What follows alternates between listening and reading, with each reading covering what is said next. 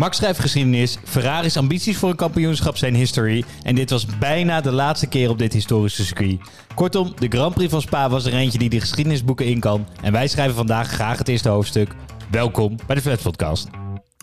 You need to go, you need to go. Bottas is coming. uh, last year uh, for two points. Uh, I mean, I would touch uh, the whole paddock, you know. So Mikey, blue flags. Even kijken hoe Tom die race beleefd heeft. Niet normaal.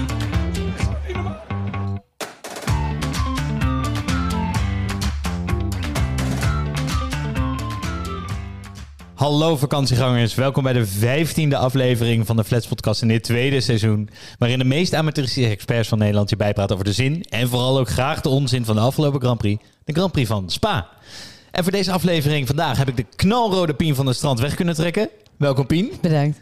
En eh, Peter heeft zijn weg naar de hoofdstad ook weer weten te vinden. Peter, leuk je weer te zien. Voelt als een eeuwigheid geleden. Man, ja, eh, wekenlang. Ja, letterlijk wekenlang. Hoe voelde die vier weken vakantie, jongens? Rustig, heel stil. Nou Ja, eh, ik, ik lag... Ik, ik, ik heb toch gewoon... een let- Ik lag met de Olaf Mol seizoensgids voor 2022 lag ik op mijn strandbedje in- op vakantie. Nee, maar dit is gewoon niet... Dit is echt waar. Ik heb hem niet uitgelezen, ik kwam er niet doorheen. Maar dat geeft me even aan eh, dat ik het toch begon te missen. Holy shit. Ja, eh, ik vond het dus eh, stiekem wel lekker eigenlijk.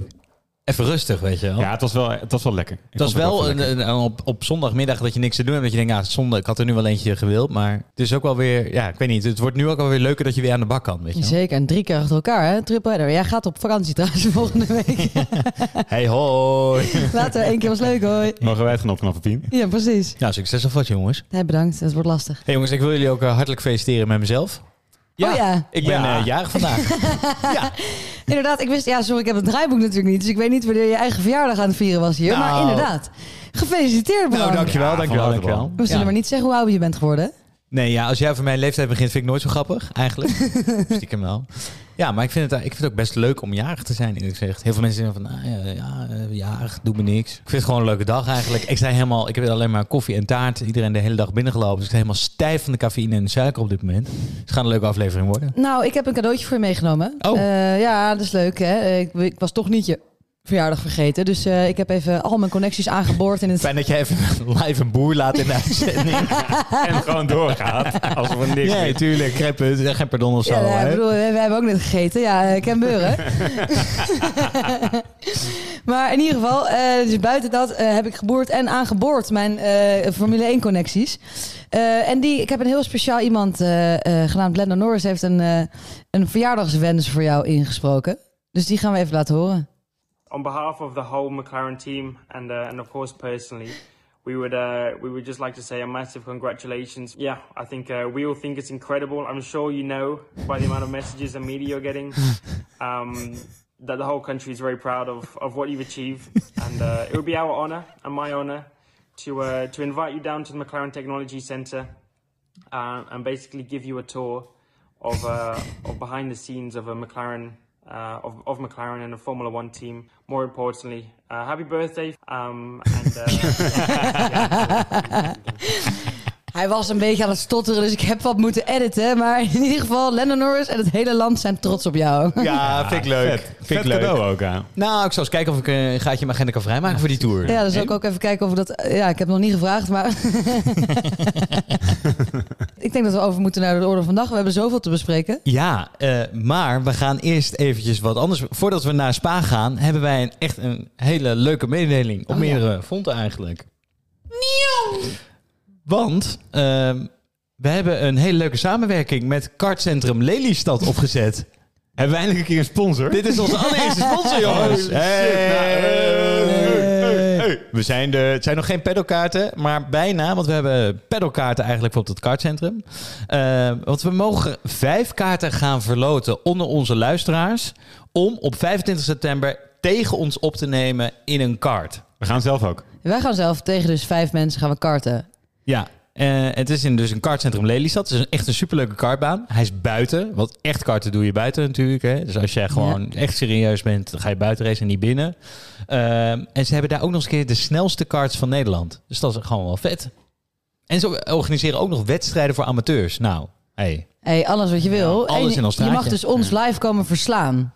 Ja, Gewoon in een kart. dus wil je graag een keertje karten, maar ben je niet al te goed, want we willen wel een klein beetje mee blijven doen, alsjeblieft. Liefst winnen we zelf. Eh, hou onze Instagram in de gaten. Wij gaan daar eh, op maandag, denk ik, of ergens deze week gaan we een post doen. Pien, kijk even naar jou, Nee, social ja, media en als je daar dus onder reageert, doe je automatisch mee. Ja, we kunnen allemaal moeilijke winacties eh, doen, maar dat, ja, daar hebben we gewoon niet genoeg luisteraars voor. Dus vind je het leuk, reageer onder de post. En dan mag je misschien wel gewoon met ons mee kart. Het is Ja. 25 september trouwens. 25 september kun je, dan moet je wel kunnen. De Kartcentrum Lelystad nogmaals. Ehm, dus eh, ja, superleuk als je erbij bent. Reageer even op die post. Zijn er meer mensen? Dan gaan we gewoon ook echt loten. We gaan gewoon hier met een film, met de camera erop, doen we al die namen erin. Gaan we echt even loten in een van de uitzendingen. En eh ja, superleuk als je erbij bent. Ja, 25 september. Kom ons eh, live eh, verslaan. Maar verdienen we ook nog wat aan deze sponsorship deal? Of, Nee, natuurlijk niet. Een hele leuke dag. Oké, Oké, dat was een hele leuke dag. Ja, ja, mensen vragen wel eens wat aan mij, eh, verdien je wat aan die podcast? Maar dat antwoord blijft dus nee, hè? Ja. Nee, natuurlijk ja, niet. De luisteraars die verdienen een gratis kaart. Nee. eh, een paar hits. Dat jij eh, helemaal om je oren gereden wordt in Kartcentrum Lelystad. Door een random luisteraar. Ook een mooie beloning. Toch? Ja, heerlijk. Hey, en dan kunnen we nu wel echt door naar de race op Zwaan. Want eh, was deze race... eh, ja, moet even schakelen nu, hè? Helemaal Jezus, wat zijn we commercieel geworden, hè? Ja, Deze. we zijn zo commercieel. Man, man. Dus even naar het minder commerciële eh, circuit van Spaan. Hey, leuk gedaan, want die was bijna van de kalender af. En toch niet, hè? Hey. Niet commercieel genoeg. Was dit lekker terugkomen van vakantie, jongens, deze race? Ja, we zijn wel mogelijk alle spanning uit het kampioenschap verloren. Maar voor de rest was het lekker terugkomen van vakantie. Ja, nee, het was wel een vette race. Er gebeurde heel veel. Ik heb de hele zaterdag heb ik gepuzzeld op wat nou de startopstelling van zondag zou worden. Met alle gridstraffen die er waren. En alle Ja. 500 miljoen plaatsen. En achterop en voorop gridplaatsen en dat soort dingen. Maar buiten dat vond ik het echt, echt heel leuk. Ja, het, het beloofde heel spannend te worden. Maar het is minder spannend uitgepakt dan we dachten. Hè? Ja. Eh, Het was wel smullen met inderdaad al die goede gasten die naar achteren gezet werden. Ja. Ik dacht, ja, gaan we nog eens een keer wat zien.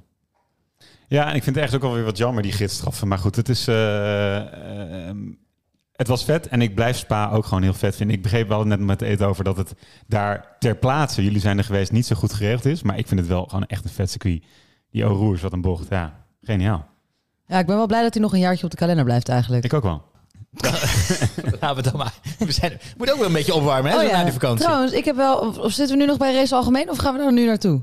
Nee, daar zitten we nu al. Oh, daar zitten we al. eh, Ja, we hebben ja, sorry. in de podcast. Ja, nee, sorry. Nog heel even vakantiemodus we natuurlijk. praten over Spa. Hebben jullie die gast met die jetpack gezien? Nee, hebben we niet gezien? Er is, een, er is een man met een jetpack die ging gewoon 200 kilometer over dat circuit. Die ging dus even een rondje circuit ging hij doen. Eh, vliegend. Heb je dat? Nou, ik zal het even op Instagram posten. Eh, andere mensen, luisteraars die het ook hebben gezien. Hoop dat jullie net zo verbaasd waren als ik. Want ik heb nog nooit zoiets gezien. Ik dacht letterlijk dat ik ze zag vliegen. En dat zag ik ook. Wat is een jetpack? Weet je wel, eh, bij GTA? Nee, dat ken je niet.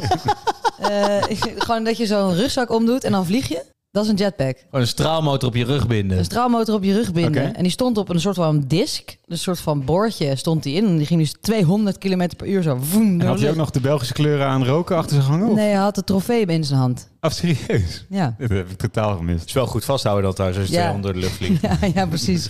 Je zou maar net kwijtraken. Maar dat vond ik echt... eh, Nou goed. Zijn er meer eh, straaljagers, lijnvliegtuigen die je over hebt zien komen waar je het over wil hebben? Of zullen we naar die Formule 1 gaan? Nou ja, Latifi was ook wel een straaljager die ik weer in het grind heb zien. Maar dat is, eh, daar gaan we het later misschien nog over hebben.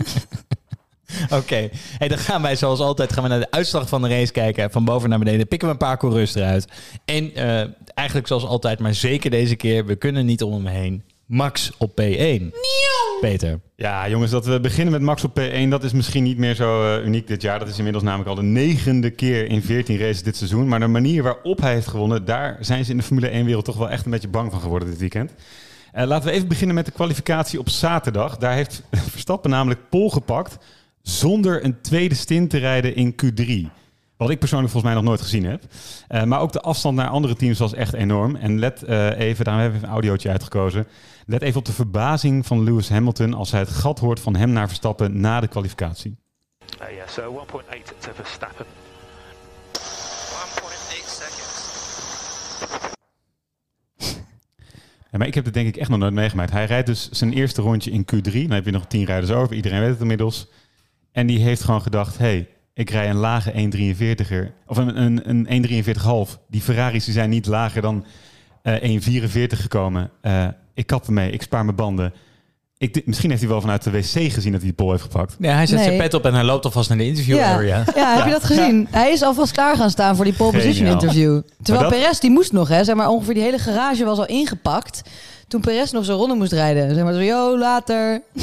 Er is een beeld van eh, Norris die eh Verstappen inderdaad na de, re- na de kwalificatie spreekt. En, eh, en, en- Max zegt tegen Norris, eh I only did one stint. En je ziet die gozer kijken en in de lach schieten van dit is echt uniek. Ja, Max staat een beetje opscheppen, hè? Ja, ja, dat is ja. zo mooi. Maar goed, eh, vervolgens eh, eh, de zondag natuurlijk. Max start daar vanaf P14, omdat hij zijn veert- vierde motor van het seizoen gebruikt en dus een gidsstraf kreeg. En dan denk je normaal gesproken, nou, die Max die kan tevreden zijn als hij vanuit achteruit naar het podium rijdt. Eh niets is minder waar. Verstappen ligt namelijk binnen negen ronden al op P3 en rijdt echt werkelijk iedereen, inclusief eh, teamgenoot Perez, met speels gemak voorbij en wint de race met bijna 18 seconden voorsprong op zijnzelfde teamgenoot, die gewoon vanaf de eerste startrij was gestart. Pole position, snelste race, racewinnaar, drive of the day. Echt een historische zege met echt een zeldzaam, zeldzame overmacht. eh, waarmee Red Bull denk ik zelden gewonnen heeft. Ehm, laten we even luisteren naar de reactie van Max na de race. Uh, congratulations. Awesome drive. Back through the. Ah, amazing Sunday, guys.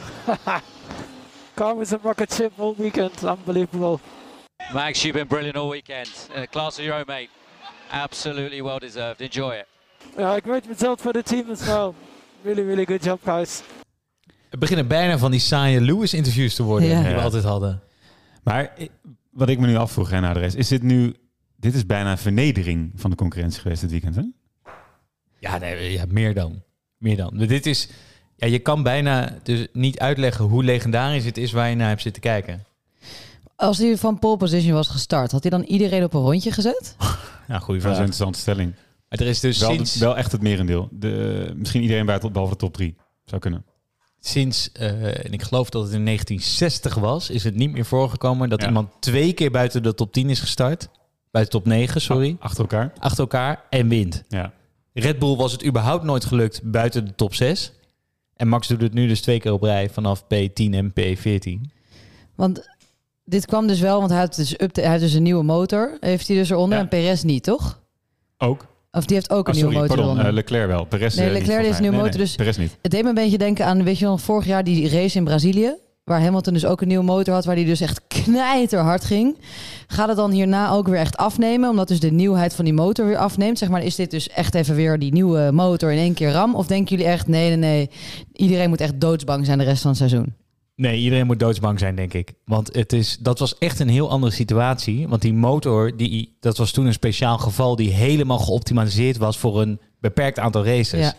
Eh, dat hadden ze toen met Bottas zo lang getest. Ja. Dit is echt wat anders. Dit is gewoon hun normale eh, eh, motor weer, die ook niet geüpgrade is. Want je mag niks meer veranderen aan die motor. Dus het is gewoon weer dezelfde. En eh, het, het schijnt wel dat ze aan het chassis, daar is nog wat Ja. onzekerheid of die nou wel of niet een update heeft gehad. Ja. Maar ze liggen gewoon een straatlengte voor. Er is sprake van een update aan de vloer. Inderdaad, die zou dan opnieuw gelamineerd zijn. Vijf kilo lichter. En Red Bull zegt het komt pas in Singapore. En de concurrentie denkt nu, dit moet nu al zijn gedaan. Want anders snappen we er helemaal niets van. Ja. En mensen waren echt, die mensen waren echt, die- al die reacties van alle coureurs na die race zeiden Ja. echt, ik snap er helemaal niks van, andere planeet. En gewoon, ik heb nog nooit, denken jullie dat dit zijn beste prestatie ooit is? ja, Ja. by Ja? far. Beter En dan Brazilië in die Ja, regen? Ja, Ja. En Horner zei ook iets, iets soortgelijks. Hè? Die zei, dit is het beste weekend van Red Bull misschien ooit wel. Ja. En zeker de beste van Max. Bizar. Dus we hebben- zijn echt nog wel in voor gewoon eh, nou, een treat. Gewoon volgende week bijvoorbeeld dan in Zandvoort. Het, Ja, het ziet er de- in ieder geval goed uit, laat ik het de zo enige zeggen. vraag die nog boven de markt hangt is hoe, hoe eh, circuit-specifiek dit was. Ja. Want het kan zijn dat gewoon toevallig Spa met deze temperaturen super goed bij die Red Bull hoorde. Ja. Maar ook daar maakt de concurrentie zich wat zorgen over. Hè? Ja. Dus die topsnelheid was bekend. En nu zijn ze ook nog eens heel snel in de bochten. Ja. Ja. Ja. en dan advocaten van de duivel zeggen dat hij wel geholpen is door die safety car aan het begin. Maar daar geloven we dan eigenlijk niet echt in, toch? Ja, Dus- is wel zo, toch? Ja, je Ja. wordt gewoon geholpen doordat het veld weer bij elkaar wordt gebracht. Maar dat had echt niks, had niet uitgemaakt. Het is een beetje, eh, het zou een spannende strijd kunnen worden, zijn geweest, hebben gehad tussen eh, Leclerc en eh, Max. Ja, maar dit is, ja, maar dit is niet, eh, niet bij te... be- Dit, is zeg maar Michael Schumacher 2004. Ja. Voor het laatst dat iemand zo dominant was. Ja, want Ja, het, het ongeloof bij concurrentie, maar ook bij het eigen team. Bij, bij Helmut Marko, bij Jos Verstappen, bij, Hel, eh, bij Horner was echt groot. Dus 14 races gereden, nog acht te gaan. Max staat nu 93 punten voor op de nummer 2. Dat is trouwens niet meer Leclerc, dat is nu Perez geworden. En 98 punten voor, bijna 100 punten voor op Leclerc. nou, ik wens ze heel veel succes. Ja, als Ferrari precies blijft doen wat ze nu doen, dan gaat het helemaal niet lukken. Nou, dan komen we eigenlijk bij een hele mooie brug aan. Of willen we nog iets kwijt over Max, jongens? Nee, ik Nou, jij dat- deed een gokje voor de uitzending met wanneer hij kampioen wordt. Ja, Oh, ja. wanneer die kampioen wordt. Ik zeg... Su eh, Japan. En dat is wanneer? Tsunoda Over zeggen? vier races. Ja, Suzuki. Of Suzuka. Suzuka, ja. Suzuka, ja. leuk. Ja, dat, dat denk ik. Daarna zijn nog vier races te gaan. Want Ja, dat, dat wordt zijn een beetje- officiële kampioenswedstrijd dan, zeg maar. Want als hij deze tripleheader wint en stel je voor Leclerc die eindigt ergens rond de, plek 5, dan is het toch eigenlijk ook al gedaan? Tuurlijk, het is, het is ook al gedaan. Laten we daar geen misverstand over staan. Maar er moet natuurlijk 0% kans meer zijn dat iemand anders kampioen wordt om een kampioenschap Ja, te precies. Oké, pakken. Suzuka. En ik denk dat dat Suzuka gaat worden. Ja, dat is gewoon Mercedes, Mercedes-stel in hun sterkste jaren vroeg. Heel vroeg, ja, Ja. precies. Kunnen ze ook alweer naar de auto van volgend jaar gaan kijken? Pakken Ja. ze daar weer een voorsprong op? Heerlijk. Nou, moet ik even door blijven gaan? Nou, dan kunnen wij dus lekker extra veel naar de achterhoede gaan kijken als Max al kampioen is. Ja, is toch genieten, Ja, dan worden we weer echt even de lekenpodcast. Daar gebeuren echt leuke dingen. Ja. Nee, maar dit is eh, nogmaals heel veel kudo's aan Max. Eh, ik zat de Engels commentaar te kijken. Die jongens waren ook masterclass. Italiaanse media buitelen over elkaar heen om die gasten helemaal in te prijzen. Max fixing. Max, Max-. Max de Klas. Nee, het is eh, door heel Europa lang eh, komen de lofuitingen binnen. Dit, dit was eh, ongelooflijk. En, en ik denk nog wel meer. Come. Nou, genoeg veren. Door naar niet zulke veren. Door naar minder veren. Nieuw. Want jongens, op P3 komen we Sainz tegen. Op P6 komen we Leclerc tegen. De jongens van Ferrari. En ik heb hier even over zitten twijfelen. Want aan de ene kant willen we onszelf niet te veel herhalen in deze podcast. Aan de andere kant kunnen we dat geklungel van Ferrari niet onbesproken laten. Dat kan gewoon echt niet. Nee. Dus, ik stel voor, we gaan een nieuwe rubriek doen. En aangezien ik vandaag toch aan de knoppen zit, gaan we hem ook echt doen. Het is niet eens een voorstel. Dit is omdat je jarig bent. En die rubriek heet Circus Ferrari. Want we hadden niet alleen het F1-circus in Spa dit jaar. We hadden ook de clowns van Circus Ferrari eh, met ons meereizen. dus laten we eens even gaan kijken naar de voorstelling.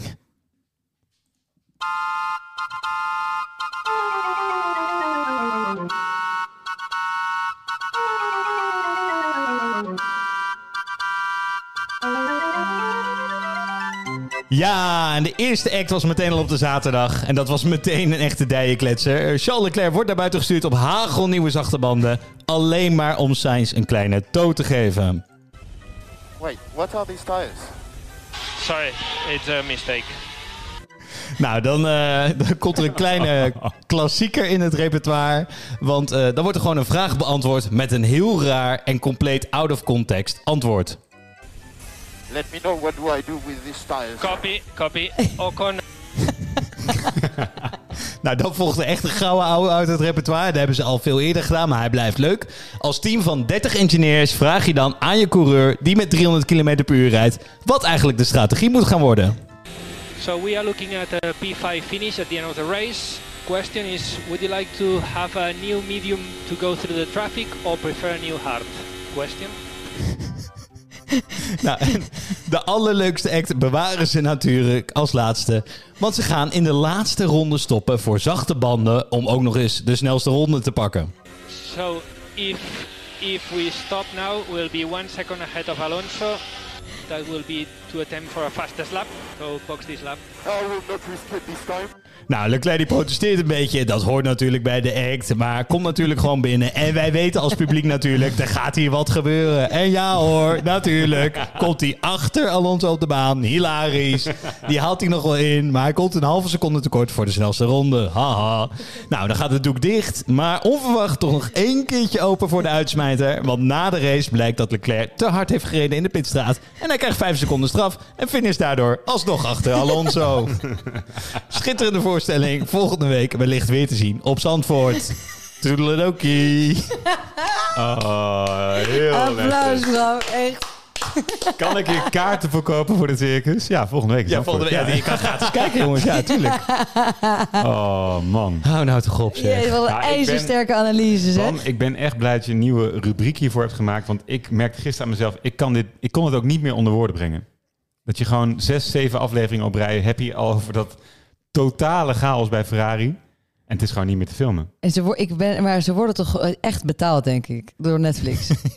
ik zweer het je. De allerduurste comedy ooit is dit. dit is echt zo'n slapstick, is dit gewoon. En dit is dus een van de meest valuable brands ter wereld. Hè? Nog steeds, ja. Maar dit- No- ik- nog wel, ja. Maar inderdaad nog wel, want dat is toch één grote verval. Ja, ik bedoel, ik ben in Ita- in Italië geweest vorige week en ik kan je vertellen, ik begrijp nu waar het vandaan komt. Zolang er Italianen in dat team blijven rondlopen, gaat het nooit normaal functioneren. Nee. Gewoon echt helemaal nooit. Want hoe kan het... Nee, ja goed, ik heb er ook helemaal geen verklaring Ja, voor. ik, Ik echt- even inhoudelijk reageren op dat derde voorbeeld. Dat bleef mij ook echt wel het meeste bij. Die, die, strate- die radio-engineer die Leclerc's input gaat vragen, question op de strategie. Dat Ja. is zo gênant. Extreem zwaktebod. Ja. Ik kon het gewoon bijna niet meer aanhoren. Zo onzeker en zo, zoveel plaatsvervangende schaamte voel ik voor die radio-engineer. En dat he- hebben ze eerder gedaan bij Vettel. Toen hij daar nog reed. Maar je, zeg maar, dus zij hebben gewoon een team van, weet ik, van een paar honderd man hè, in Italië zitten die dit gewoon allemaal analyseren. En ik snap dat je input vraagt van een coureur, maar dan moet je dus toch zeggen van, we gaan dit doen. Klopt dat? Weet je wel zo. Maar nu is het gewoon een open vraag. Nou, wat voor mij een eye-opener was, en je hoorde het niet helemaal goed, maar was dat Leclerc zegt dus over die laatste ronde binnenkomen, hij zegt, I would not take the risk if I were you. Eh, dus met andere woorden, Leclerc zegt, jongens, laten we het niet doen, die snelste ronde en die rode banden, want dat gaat verkeerd. Dus die ziet het al helemaal aankomen. Maar dat hij dat inderdaad überhaupt denkt en zegt, zegt al genoeg. Want normaal gesproken vertrouw je, kun je gewoon vertrouwen op zo'n order, hè? Ja. Die, die is goed. Ja. Je komt sowieso voor, voor Alonso uit. Max stuurt gewoon blind die pitstraat in. Tuurlijk. Maakt niet uit waar die zit. Dit zoek je uit. Box, box, paf, komt hij naar binnen. Maakt niet uit wat ze, eh, waarvoor. Maar je ziet dus wel dat zo'n Vettel en ook Sainz om zijn tijd dus wel gewoon dat niet dus te- gaat doen. Ja. Die maken dus wel hun eigen strategie bij Ferrari. En Leclerc die volgt het op, ook al is hij het er niet mee eens. En dat Ja. moet ook kunnen, want je moet in je team kunnen vertrouwen. Maar blijkbaar moet hij hier dus uit leren dat hij gewoon scheid heeft als hij, iets, als hij ergens een, een onheimisch gevoel bij heeft, zeg maar. Dan moet hij dat gewoon niet gaan doen. Ja. Ja, maar, dat, ja, maar dan, dat is- dan functioneert je team Nee, precies ja, dat nooit. klopt. Maar dat ja, is dus ook de, de, de Als je- conclusie. dat ja. hele-. Want als jij het tot 2028 hebt bijgetekend ongeveer voor het team, ja, dan moet je toch even gaan bedenken hoe je hier ooit nog iets van gaat Ja. maken. En dat is dus door naar jezelf te luisteren Ja. en niet naar je team. Ja, als je coureurs om strategie-input gaat vragen tijdens de race, is het einde zoek. En eh, ik, ik begin dus nu wel, heb vandaag voor het eerst, sinds dit weekend, voor het eerst na te denken over eh Binotto's toekomst.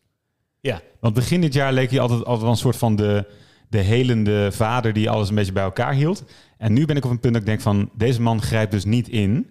Probeert alleen maar de boel bij elkaar te houden. Maar dit is gewoon een onhoudbare situatie. En dat gaat dan denk ik uiteindelijk de kop kosten als je doorgaat. Maar het is, ja, dat denk ik ook wel. Maar nogmaals, zolang er zoveel Italianen rondlopen, denk ik dat het echt een heel ingewikkeld verhaal gaat worden. hoor. Goed. Ik denk dat ze allemaal, ik denk dat ze gewoon even een ontslagronde moeten doen en een paar Duitsers daarheen moeten halen, even om wat orde op zaken te stellen. Tot zover dit cultureel sensitieve commentaar van Pien. ja, serieus. Maar Nou eh, eh, onderdeel van dit circus. Eén ding was wel echt pure pech. Maar dat het gebeurt is dan toch ook weer echt tekenend. oh ja. De reden dat Leclerc naar binnen moet bij zijn eerste pitstop... is dus omdat Max Verstappen een tear-off... dat is een stuk plastic van zijn vizier, van zijn helm trekt... loslaat en die komt precies in het rechte voorwiel van Leclerc... waarop zijn wiel begint te roken en hij naar binnen moet. Ja. Maar weet je wat voor echt. gevoel ik kreeg dus hierbij? Mario Kart.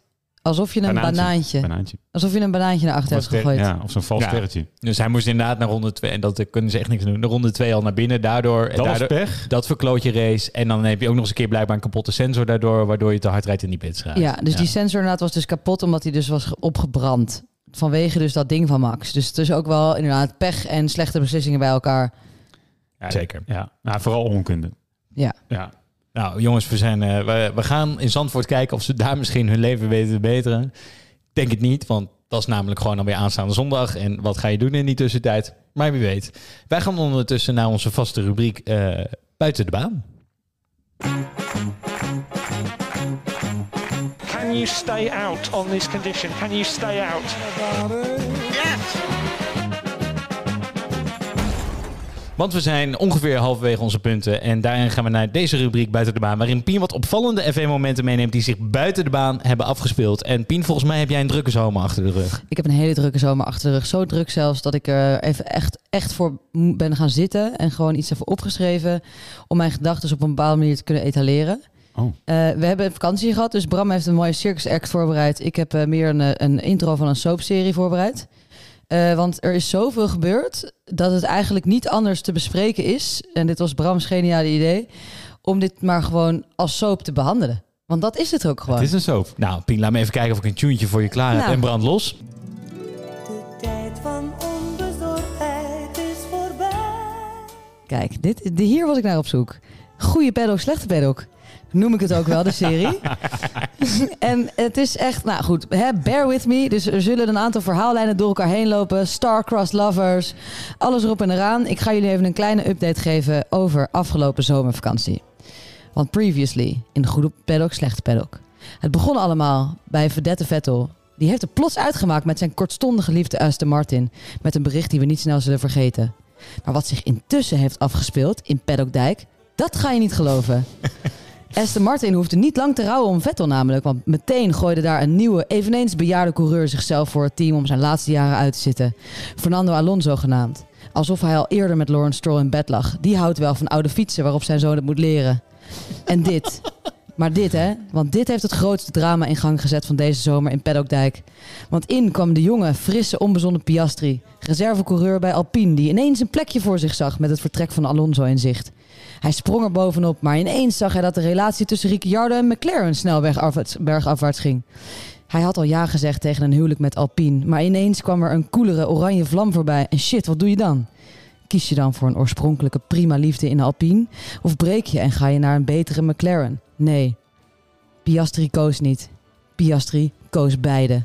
Nadat Alpine de relatie tussen hen en Piastri naar buiten had gebracht, ontkende Piastri deze relatie een uur daarna glashard. Hij had een affaire met McLaren die nog niet officieel naar buiten was.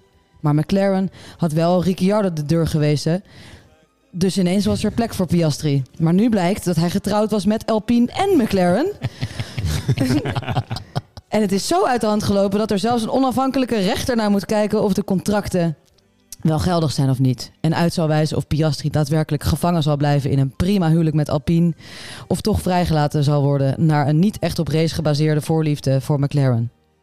En dat, deze rechtszaak tussen Alpine en McLaren over Piastri, dat gaat de hele opstelling van de rest van het veld bepalen. En Alpine flirt ondertussen ook nog met Gasly. Hoe gaat dit aflopen? In de volgende aflevering. Zijn jullie er klaar voor, jongens? Ja, vertel. Ga je lippen. In de volgende aflevering. Gaat Schumacher zijn stoeltje houden? Komt Nick de Vries dan toch eindelijk in de Formule 1? Gaat Hulkenberg toch die comeback maken? En gaat Ricciardo nog voor een laatste one-night stand? Of verlaat hij voorgoed de Formule 1? En wie, oh wie, tieft Latifi eventjes de Formule 1 uit? Latifi. We zullen het allemaal meemaken in de volgende aflevering van Goede Paddock, Slechte Paddock. Ah, lekker, lekker, lekker. Oh man. GPSP. Maar de grap is, GPSB. de grap is dat het allemaal waar is. Er is niks aan verzonnen. En nog heel even, Wat een dus voor de zomer. mensen die dus een beetje weg aan het zwijmelen waren bij dit muziekje. Piastri heeft dus officieel, eh, nu lijkt het, eh, twee contracten. Eentje bij Alpine en eentje bij McLaren. McLaren heeft nog niks bevestigd. Alpine claimt dat Piastri voor hun gaat rijden. Er gaat dus een bestuur of een, een onafhankelijke commissie kijken naar allebei die contracten. En die gaat dus eigenlijk beslissen over wat de toekomst gaat worden van Piastri. Of hij dus moet blijven Ja, bij. Alpine of dat hij dus wel naar McLaren mag, wat hij veel liever wil. Echt, ik heb dit nog nooit gehoord. Maar als hij contractueel bij Alpine moet, moet blijven, dat is echt huilen. Het is Ja, echt daar gaat-. Hij gaat er natuurlijk echt niet rijden volgend jaar. Links maar, of rechtsom gaat hij dan uit. Maar, maar er moet ergens dan betaald worden. Ja. Van A naar B of van B naar A. ja, en moet ik even bij zeggen, hè, terugkijken naar de zomer. Een contract dat vroegtijdig beëindigd wordt. Ik heb al eens eerder gezegd, het is een gentleman sport. Die contracten dien je uit. Maar dat is dus nu ook verbroken. Hè? Dat die, eh, Ja. die trend. Zeker. Zeker ook als Gasly dan weer zou gaan naar Alpine. Dan wordt er weer eentje Ja. verbroken. Ja. Maar goed. Hey, eentje die je niet genoemd hebt. eh, maar dat hoort ook niet echt in de soap. Het zijn gewoon twee mensen die elkaar ja-woord hebben gegeven en van elkaar houden. Dat zijn Albon en Williams. En eh, we vinden Albon dan ook toch op P10. Dat klopt. Inderdaad, goed nieuws voor Albon. Hij heeft eh, voor een aantal jaar weer bijgetekend bij Williams. En het heeft zich eigenlijk uitbetaald in een goed weekend. Het begon al bij een hele mooie kwalificatie. Want voor het eerst dit seizoen heeft hij Q3 gehaald. Daarbij kwam dat de helft van het veld überhaupt een gidsstraf had. Dus Hip begon Albon opeens in de langzaamste auto van de paddock. Gewoon vanaf P6. Eh, en dan denk je van, nou leuk hè, P6 voor het eerst in een Williams. Maar dan weet je toch ook wel de helft van het veld, die dus veel sneller zijn dan jij, die starten achter jou. Eh, want die hebben een gidsstraf. En die komen dus allemaal mij halen. Ja, en dan ga je peentjes weten. Maar goed, hij heeft het goed volgehouden. Hij zat op een twee-stop-strategie en hij had een indrukwekkende topsnelheid. Want eh, Williams heeft dus dit weekend een risico genomen, heb ik gelezen. Namelijk, ze hebben een hele lage downforce setup gedaan. Veel meer dan de rest van het veld. Dus daardoor konden ze gewoon heel snel op de rechte stukken. Maar in de bocht ging het dan wat lastig en zijn banden gingen eraan. Maar goed, wat gebeurde er nou? Albon die heeft een Alonso'tje gedaan. Want die had op een gegeven moment, eh, stond hij op P10. En toen had hij vijf coureurs achter zich die hem heel graag in wilden halen. Eh, maar hij heeft gewoon een treintje achter zich gevormd met allemaal DRS'en die hem niet konden inhalen. Want zijn stopsnelheid was dusdanig snel dat ze dus met DRS er niet voorbij kwamen. In de bochten moest hij echt heel hard zijn best doen om geen enkele fout te maken.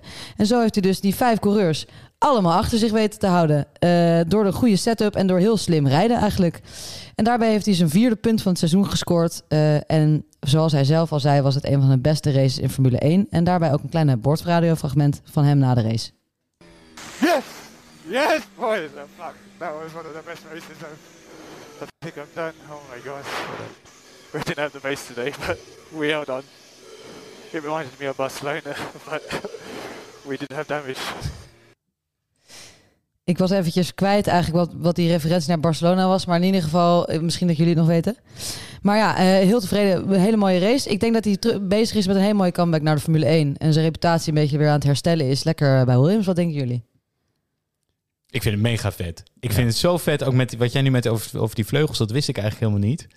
Eh, maar dat is dus risico nemen. Ja, dat is, maar dat moet je ook doen als team. Ja. Als, als Williams. Ja. Dat, dat zijn je enige kans op En punten. dat het eh, zich dan uitbetaalt, is toch, is toch vet? Maar dat ding stond zo, die wagen stond zo lijp afgesteld dat een, een Williams met DRS dicht was net zo snel of sneller dan een McLaren met DRS open. Ja.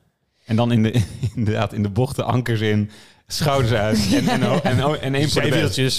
Ja.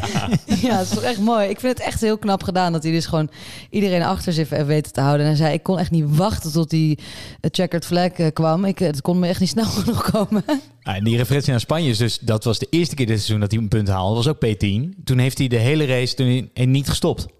Oh ja, inderdaad. Dus het is met extreem kunst en vliegwerk dat En die de gast... op ingereden toen, ja. Ja, precies. Ja, de laatste ronde was een pitstop. Ja. Eh, en dus met extreem kunst en vliegwerk pakt hij punten dit jaar. Maar dat is dus wel vet aan zo'n team. Ja. De creativiteitsprijs eh, gaat dan wel naar Williams dit jaar tot nu toe. Ja, Ja, dat denk ik ook wel. En ik vind dus die, die setup vond ik dus heel interessant dat die auto dus zo hard reed. Alfa Tauri met Tsunoda hadden dus ook een hele lage downforce setup. En die heeft dus de hoogste topsnelheid ooit gehaald dit weekend, namelijk 350 km per uur. In de speed Oké. trap. Yo, dat is hard. Ja, dus Tsunoda heeft het hardst gereden. Vind ik dus grappig. Zeg maar, ja, hoe hard een auto ook gaat, die gaat dus een race, daar, dat heeft dus niet zo bijster veel met een race eh, winnen te maken. Ja, scheelt Yuki denk ik ook altijd wel weer 5 kilo extra, weet je wel? Dat scheelt toch wel. Die, die grap wou ik ook maken, maar dan krijg je meteen Bernard in je nek volgende aflevering. Want dat wordt gecompenseerd met gewichten. Ja, oké. Maar dat is als ze elkaar gaan masseren, toch? Voordat ze dan gaan wegen en zo. Ja, goed, waar gaan we het niet over hebben? Hey, waar we het wel heel even kort over gaan hebben. Want eh, ja, de lekenvraag is al bijna beantwoord, maar we gaan hem toch nog eventjes behandelen. De lekenvraag van de week. Uh, Michael, I just send you an email um, with the diagrams where the car should be. Did you receive that? Uh, yeah, then you should maybe look at this because there is something with the rules coming up.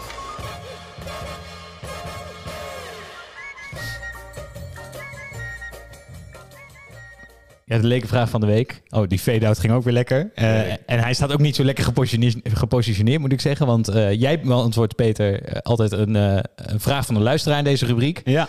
Dat eh, ging weer over die Tierwolf van Verstappen, waar we het net over hadden. Dus qua structuur zitten we ook niet helemaal lekker deze aflevering. Maar de vraag is dus, eh, ja, die Tierwolf die in de, van Verstappen in de rem van Leclerc terecht kwam. Wat is dat eigenlijk? Ja, dat is Waar verdient het? Ja, het is een heel simpel antwoord, maar dat eh, maakt het niet minder leuk, want ik wist dit antwoord eigenlijk ook niet. Ehm, hè, dus een, een coureur heeft een, uiteraard een helm op met een vizier daarop. Dat is de, het, het transparante deel waar je doorheen kijkt. Maar daar zitten dus plasticjes op. En die worden er wel eens afgetrokken eh, tijdens het rijden. Maar wat ik niet wist, dat het, zijn er meerdere. En waarom doen ze dat? Nou ja, op het moment dat ze zeg maar zo lang hebben gereden dat er genoeg stof, insecten, zand, debris, whatever in hun gezicht is gewaaid. En dat ding zeg maar weinig zicht meer geeft, dan trekken ze hem eraf. En nou, ik weet dus niet precies hoeveel er op zo'n vier zitten. Zegt, zegt drie. Eh, maar dat, dat doen ze een paar keer per race. En eh, Max deed het dus ongeveer in ronde, wanneer was het? Ronde vijf. En dat ding, dat nogmaals, valt precies bij Leclerc in zijn ding. En dat kan blijkbaar genoeg eh, eh, verstoring geven dat je dan eh, een rokende rem hebt. Maar dat is dus ehm, de tear-off. Om je, je kan je, je gezicht ermee goed houden. Ja, mooi. Het klinkt super logisch. Ik snap alleen dan echt niet waarom het dan dusdanig groot is dat je dus een auto daarmee een, Ja, eh, dan moet je kan goed mikken. Dan moet je goed Dat meer omdat die gevoeligheid van die auto zo groot is. Maar dan ben je echt... Nee, ja, klopt. Maar ja, is er dan niet ergens een zakje waar je dat in kan steken of zo? Ja, weet je wel, als je al de tijd hebt om dat ding van je helm af te trekken, dan Ja. kan je het ook wel in Ja, een het zakje zijn wel steken. single-use plastics. Ja, eigenlijk zou je eh, wat vuilnisbakken langs de- zo'n vangnet, zo'n blikvanger. Ja, maar wat ik dus ook niet snap, is hoe je nou meerdere van je helm af kan trekken. Want dan zit je een soort van te pielen of zo. Ja, ik denk dat Dat ze- heb ik me altijd afgevraagd. Nee, rechts en links een lipje, denk ik. Ja, maar dan, heb je, ja, maar, oké, maar dan trek je toch rechts alles mee wat rechts zit. En dit doe je dan zijn, dus dan als zijn je... er denk ik maar twee. Dit zijn maar Ja, denk ik ze- maar ze- twee. dan hebben ze er maar twee, Ja, ja. Nou, goed dat we daar nu Maar- opkomen. Maar ik moet het ook op mijn ruit hebben in, eh, in Rotterdam, joh. Al dat roet op een raam. Ja. Verkoop het aan mensen die bij Tata wonen. Dit is gewoon een nieuwe, nieuw product. Maar en dit doen ze dus allemaal terwijl ze 300 km per uur rijden. ja, ze doen het ook wel eens in de pit. Maar En als je Charles Leclerc bent, ben je dan ook nog over je strategie aan het nadenken, terwijl je engineer dat vraagt. Ja, ja, en aan het ruzieën Nou, goed. team. Hey, wie, eh, wie ook een beetje ruzie had dit weekend, eh, en die vinden we terug op P20, is Lewis Hamilton. Ja, Lewis Hamilton had een minder fijne terugkeer van zijn vakantie. Eh, terwijl hij zijn batterij toch echt heel uitgebreid had opgeladen. Zo leek het op Instagram. Want eh, de beste man was in Namibië, Kenia, Tanzania. Op zoek naar zijn familie roots. En we zagen epische filmpjes voorbij komen op zijn socials. Hashtag transformation, hashtag life changing. En Lewis was ook echt heel hoopvol bij aankomst in Spa dit weekend. Changed man. En hij zag zichzelf opeens weer meedoen eh, voor de overwinningen. En zei dat Mercedes daar steeds dichterbij kwam. Nou, was het al een vrij harde reality check op zaterdag, even uit je vakantiemodus, omdat je gewoon op 1,8 seconden staat van de, van de polzitter op, eh, op zaterdag. Eh, maar een aanrijding met Alonso in ronde 1 van de race op zondag, dat maakte zijn weekend echt helemaal compleet. En luister even mee en let vooral gelijk op de snoeiharde uithaal van Alonso aan het adres van Lewis, terwijl we naar een beschrijving van onze Engelse collega's kijken van dit incident. Behind Fernando Alonso, it's his old teammate Lewis Hamilton. Here comes Hamilton into the Lecombe chicane, and they make contact. Hamilton rises up into the air. He's made contact with Fernando Alonso. George Russell goes through. There's the Aston Martin of Lance Stroll onto the gravel, and that was Alonso and Hamilton getting too close together, tangling, but they both managed to carry on. Yeah, what an idiot. Closing the door from the outside. I mean, we had a mega start, but yeah, this guy only knows how to drive starting first. Dat is mooi, hè? Ja, maar hij heeft dit dus, ik weet zeker dat hij dit al seizoenenlang Ja, ja, ja. heeft voorbereid. Ja, dit had hij al langer voorbereid. Hij heeft gewoon Ja. gewacht op een moment Ja. om dit erin te slingeren. Ja, precies. Ja, dus eh, voor de duidelijkheid voor de mensen die het nog eh, niet wisten. eh, Alonso en Hamilton die mogen elkaar nog steeds niet zo. eh, na een eh, gezamenlijk verleden bij McLaren. Ehm, maar het beeld dat we vervolgens zagen, ja, dat was voor mij ook echt eh, de nieuwe trailer voor Drive to Survive. Namelijk Lewis Hamilton met zijn kopje omlaag op een compleet verlaten, onverhard pad, onverhard pad eh, de Belgische bossen inloopt. Nou, toen hij na een half uur eindelijk in de paddock was, ehm, kwam hij eh, met zijn reactie. En die, die luidde als volgt. Yeah, I had a really good toe on Fernando and did a did a move down the outside. Uh, got up, got up um, alongside him a little bit ahead of him. Um, I thought that I left enough room and I didn't, and uh, and I paid the price for it. So it's my it's my fault, and um, just really sorry to my team, really. Uh, Ja, en hiervan zou je dan toch wel weer kunnen zeggen... ik bedoel, Alonso is wit heet, dat is tijdens de race. Hamilton toch wel gentleman zijn fout aan toegeven hier. Ja. Maar wat dan, dan tegelijk bij, bij opvalt... maakt geen excuses aan Alonso, maar excuses aan zijn team. Ik vond dit wel netjes. Ik denk, nou, had dit vorig jaar ook in Silverstone gedaan, amigo. Dan Ja. Nee, ik vond het ook netjes. was je echt een Ja, maar er was niet. Silverstone had hij echt iets om excuus voor aan te bieden, omdat hij in het ziekenhuis lag. Weet je wel, ja, dit is wel gewoon, dit is gewoon een domme fout van hem. En hij geeft het gewoon toe, toch? Ik vind het prima netjes dat hij doet. Alonso die heeft daarna heeft, heeft hij nog steeds niet helemaal eh jovele woorden over Hamilton gezegd in het interview. Dus in ieder geval eh, was hij wel de volwassene van de twee. Maar wat zei jij nou tegen mij, Bram, voor de uitzending... dat Hamilton heeft, heeft overwogen om eh, excuses aan te bieden aan, eh, aan Alonso? Ja, en toen hoorde die, boord, die, die boordradio van Alonso, die jij net liet horen. En toen zei hij, oh, nu ga ik even geen excuus meer aanbieden aan Alonso. Oh, echt? ja, ja, ja, ja. Oh, dat wist ik helemaal niet, joh. Ja, ja. Maar ja, gewoon een hele domme fout, toch? Ik bedoel, hoe vaak, fout. hoe vaak heb je al wel niet op Spa gereden en je weet toch gewoon een beetje hoe dat in elkaar zit? Hij heeft... Ja, goed. Maar hij maakt dus ook niet zoveel fouten, hè? Nee. Nee, daarom. Ook de eerste Mercedes-uitvalbeurt van dit jaar. Hè? Ja. En, Gasten zijn... joh, het- we hebben wel vaker gezegd, maar ik durf er nu toch wel echt geld op te gaan zetten dat het zijn laatste seizoen is. Ik denk dat hij daar ook naar hint met die social Instagram, of social, Instagram, social media post die jij net zei. Nieuwe inzichten voor zichzelf. Hij krijgt eventjes een, eh, een dubbele vuist in zijn gezicht. Keihard dit weekend met 1,8 in de kwalificatie. Terwijl hij een paar uur daarvoor had gezegd... We're here, we're here to cause havoc. Dus eh, van, we gaan meestrijden. Ja. Nou, ze strijden ook wel mee met die Ferraris. Maar Ja. En jij denkt dat hij stopt? Ik denk het wel. Maar je gaat die- toch niet in zo'n auto nog een seizoen rijden? Ja. Maar wie, eh, hij heeft een contract tot het einde van dit jaar. Nee, eind volgend jaar. Hij- Dus eind volgend jaar gaat hij stoppen dan. Nee, dit jaar. Dat zeg ik. Dus vroegtijdig. Hij gaat vroegtijdig stoppen. Ah, ik denk dat hij nog een paar races aankijkt, die progressie. Maar hij had meer van gehoopt. Hij had er zeker meer van gehoopt. Er is geen ruimte in het script van goede paddock, slechte paddock. Voor Hamilton die weggaat. Dat is gewoon echt te veel. Sorry, dat kan gewoon niet. Maar Dat Hamilton past is- niet. ja. Het gaat denk ik gebeuren. Wie gaat er dan naar Mercedes? Nick de Vries? Maar het zou kunnen hè, dat Nick eh, de, de life-changing inzichten op zijn vakantie... dat dat inderdaad, ja, ik moet een film gaan regisseren. Ik moet de modewereld in. Wie zal het zeggen? Over de modewereld gesproken, Pien.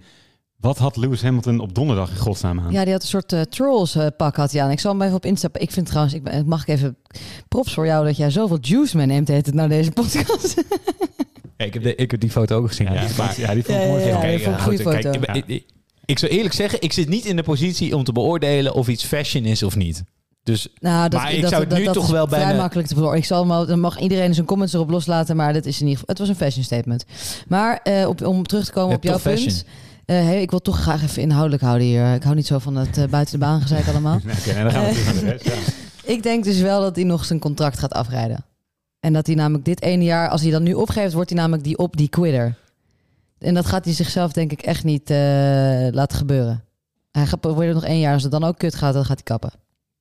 Ja, maar dit weekend zo'n zeldzame fout die hij maakt. Die 1,8 seconden. Dat shot inderdaad dat hij wegloopt. Wat trouwens ook weer alles zegt over die klote faciliteit op Spa. dat daar niet heel even een scootertje klaar staat voor hem, weet je wel. Eh, nee, dat is waar. Maar nee, ik denk echt, hij gaat echt niet na één slecht seizoen stoppen. Dat is gewoon, dat, dat, is, dat is nog een grotere smet achter zijn naam dan na twee seizoenen slecht gaan stoppen. We gaan het zien, we gaan het zien. Hey, we gaan ook eventjes luisteren eh, naar de allerlaatste persoon die gaat terugblikken op de race voordat we gaan vooruitblikken. En dat is eh, dichter Luc in, de, in zijn column.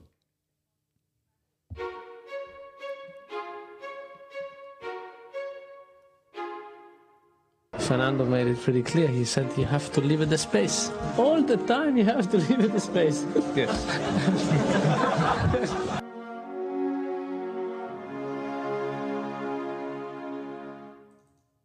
Na regen komt zonneschijn. Na 21 komt 22. Makkelijker kunnen we het niet maken. Geen discussie over mogelijk. Net als de prestatie van Red Bull en Max het afgelopen weekend. Ze waren oppermachtig. Op elk vlak, op elk hoekje, op elke millimeter van de baan. Ze snappen het gewoon. Wanneer ze moeten gaan, waar ze moeten staan. Ze snappen het. En zo passeren ze hun voorgangers sneller dan je met je ogen kunt knipperen. Sneller dan je je ontbijt opeet. Sneller dan je een Sinterklaasgedicht schrijft. Bla, bla, bla. Er is gewoon geen discussie over mogelijk. Of toch wel? Wat denken jullie? Tijdens de gala-voorstelling van Max Co. is het toch weer tijd voor het vragenuurtje van Binotto. Pasta of pizza, lasagna of spaghetti, tiramisu of limoncello. En het waren dit weekend weer vragen zonder keuzes en keuzes zonder gedachten. Een recept zonder smaak en ook zonder resultaat. Want het is Red Bull dat Ferrari dit weekend op letterlijk alle fronten Ja, en dan eh, rest ons nog één ding, zoals altijd. En dat is vooruitblikken naar de komende Grand Prix. En dat is nog wel een speciale, hè jongens. Komende zondag, Zandvoort. Ja, heerlijk. En ik ben, er, ik ben erbij. Je bent erbij? Ik ben erbij. Is Pien er al bij? Ik ben er ook bij. En hoe? Ja, ik eh, ga dus eh, wat de klanten van eh, vrienden van mij vermaken. Want die weten niks. Dat klinkt dubieus, hè? Ja, dat klinkt heel dubieus. nee, dat soort dingen, tafereelen zijn verboden tegenwoordig in Formule 1. Een vriendin van mij die werkt ergens, die heeft een klantenevent. En die weet niks van de Formule 1. Dus ik heb aangeboden van, nou, ik kan jou een bijles Formule 1 geven. En die klanten een beetje over Formule 1 vertellen. Als ik mee naar, naar Zandvoort mag. Dus Ja, ik sta zaterdag op, op de paddock met een smoesje heb ik me naar binnen geluld. Als eh, meest amateuristische expert van Nederland. Als meest amateuristische expert van Nederland ga ik even wat mensen uitleggen over, over Formule 1 daar. Schitterend. Ja, hij is volgende week alweer, want we zitten dus in een triple header, de enige van dit seizoen. Wat kunnen we eventjes technisch inhoudelijk meegeven over het circuit van Zandvoort? Bram is op vakantie. Ik ben op vakantie. Hey, hoi. Ja, ik kan een paar dingen zeggen Ja, zelf. Maar, eh, het is de kortste van de kalender. Dus ook een eh, heel bochtig en eigenlijk heel anders dan Spa wat dat betreft. Ja, en weer 80 ronden of zo. Ja, echt heel veel. grote, Je, ja. je krijgt op zijn Nederlands een hoop waar voor je geld. Eh, het is eh, qua publiek volle bak. Want vorig jaar was het nog maar 70.000 mensen en nu worden het er meer dan 100.000. Eh, omdat er toen nog beperkingen waren. Dus het wordt nog veel meer een max gekkenhuis dan vorig jaar. Maar per dag bedoel je dan, denk ik, hè? Ja, per dag, Ja, ja. ja, ja. oké. Gaan mensen zich dan beter gedragen of slechter gedragen dan in Oostenrijk? Dat is dan de vraag. Ja, ik, toen ik vorige keer, toen hadden we net Silverstone achter de rug. Niet de hele drama Ja. natuurlijk. En het eh, uitfluiten ook. En toen was op Zandvoort juist weer een beetje hersteld. Dat er geklapt werd voor Lewis. En dat iedereen die aan het fluiten was even stilgemaand werd. Oké. Nou, eh, dus wij zijn natuurlijk zo'n grote podcast als wij nu oproepen om niet te fluiten. Dan gebeurt dat helemaal niet. Eh, maar nee, dat moet je, moet je ook niet doen. We zijn, fluiten, we zijn, geen, fluiten. we zijn geen voetbalhooligans, weet je wel, Formule 1. We zijn gewoon hè, sporters met liefhebbers, liefhebbers van de sport. Eh, en Lewis gewoon een grootman. En Leclerc ook. En daar klappen we gewoon voor. Ja. En Eh, als er luisteraars zijn die volgende week op Zandvoort zijn, stuur vooral een fotootje naar ons. Vinden we leuk om te zien. Misschien dat we elkaar nog tegenkomen. Hashtaggen. Hashtag Fletspodcast. Fletspodcast Wow. F1. Hey. Het is nou echt zo commercieel geworden. Zeker. Eh, doe ook even een shirt aan, jongens, trouwens, misschien. Niet oranje, want dan val je niet op. Maar bijvoorbeeld Mercedes zwart of zo, met Fletspodcast erop. Ik luister de Fletspodcast. Eh, Misschien moet ik even regelen, ja, goed idee. misschien moeten we die shirtjes ook gaan weggeven onder luisteraars die gaan. Nou, zo groot zijn we echt nog niet hoor, Bram. Stuur ons even een berichtje. Even ik vind, dimmen, even nee, dimmen. nee, laten we dit doen. Iedereen die naar Zandvoort gaat en het wil, die sturen wij een shirtje op van onze podcast. Wat is, ik ga dat niet maken hoor. Jij bent op vakantie. Doe even normaal. Ja, ik, ja, ik ga dit regelen. Ik ga dit regelen, jongens. Hey, wat nog inhoudelijk opvalt ook is, eh, en dat is weer goed nieuws. Ja, het is een triple header. Hè, dus die vrachtwagens die pakken nu in op Spa. En die komen nu ongeveer aan op Zandvoort, denk ik. Eh, dus er is gewoon geen enkele ruimte om iets anders te doen. Nee. Dus, eh, dus hè, iets aan je auto verbeteren, iets in je Klopt. team. Maar Ja. veel bochten is dus over het algemeen een circuit dat niet per se Red Bull heel lekker ligt, toch? Ferrari Dit is, seizoen. wat, Ferrari is wat hoopvol, inderdaad. Die gaat, eh, die gaat hier wat meer hoopvol naartoe. Ja, ondanks alle mal- malaise. Ja, en eh, misschien ook wel leuk, eh, dat is vorig jaar namelijk nog niet gedaan, maar er is nu een tweede DRS-zone. Dus vorig jaar één, nu een tweede DRS-zone op Zandvoort. Dus dat geeft hopelijk wat meer inhaalmogelijkheden. Oh ja. Want het is wel een moeilijke dingetje op, eh, Ja. het is wel een dingetje op Zandvoort. Maar wel nieuwe reglementen en misschien dat de auto's wel wat beter kunnen inhalen dan vorig jaar. Ja, zeker. We'll see. We gaan het allemaal zien. Eh, wij zijn in ieder geval aan het einde gekomen van deze aflevering. En volgende week speciale gast. Oh ja, Hey. speciale gast Maar ik zal week. niet zeggen wie het is, want eh, ja, misschien wordt eh ja, last minute kunnen er eh, wat eh, afzeggingen zijn. Maar eh, dat is wel, wordt wel leuk volgende week. Ja, dus eh, zeker luisteren. Ehm, en nogmaals, eh, wil je kans maken op een kartsessie op Kartcentrum Lelystad? Hou dan onze Instagram in de gaten, Fletspodcast F1. En wie weet race jij over een maand tegen ons team. Voor nu, dank weer voor het luisteren en tot volgende week. Tot volgende week. Hey, hoi. Heel mooi als er dan gewoon niemand gaat aanmelden. Ik ga, ik ga vijf accounts aanmaken. dat we bij de deur gaan verkopen daar. Bij Lekker Kartcentrum Lelystad.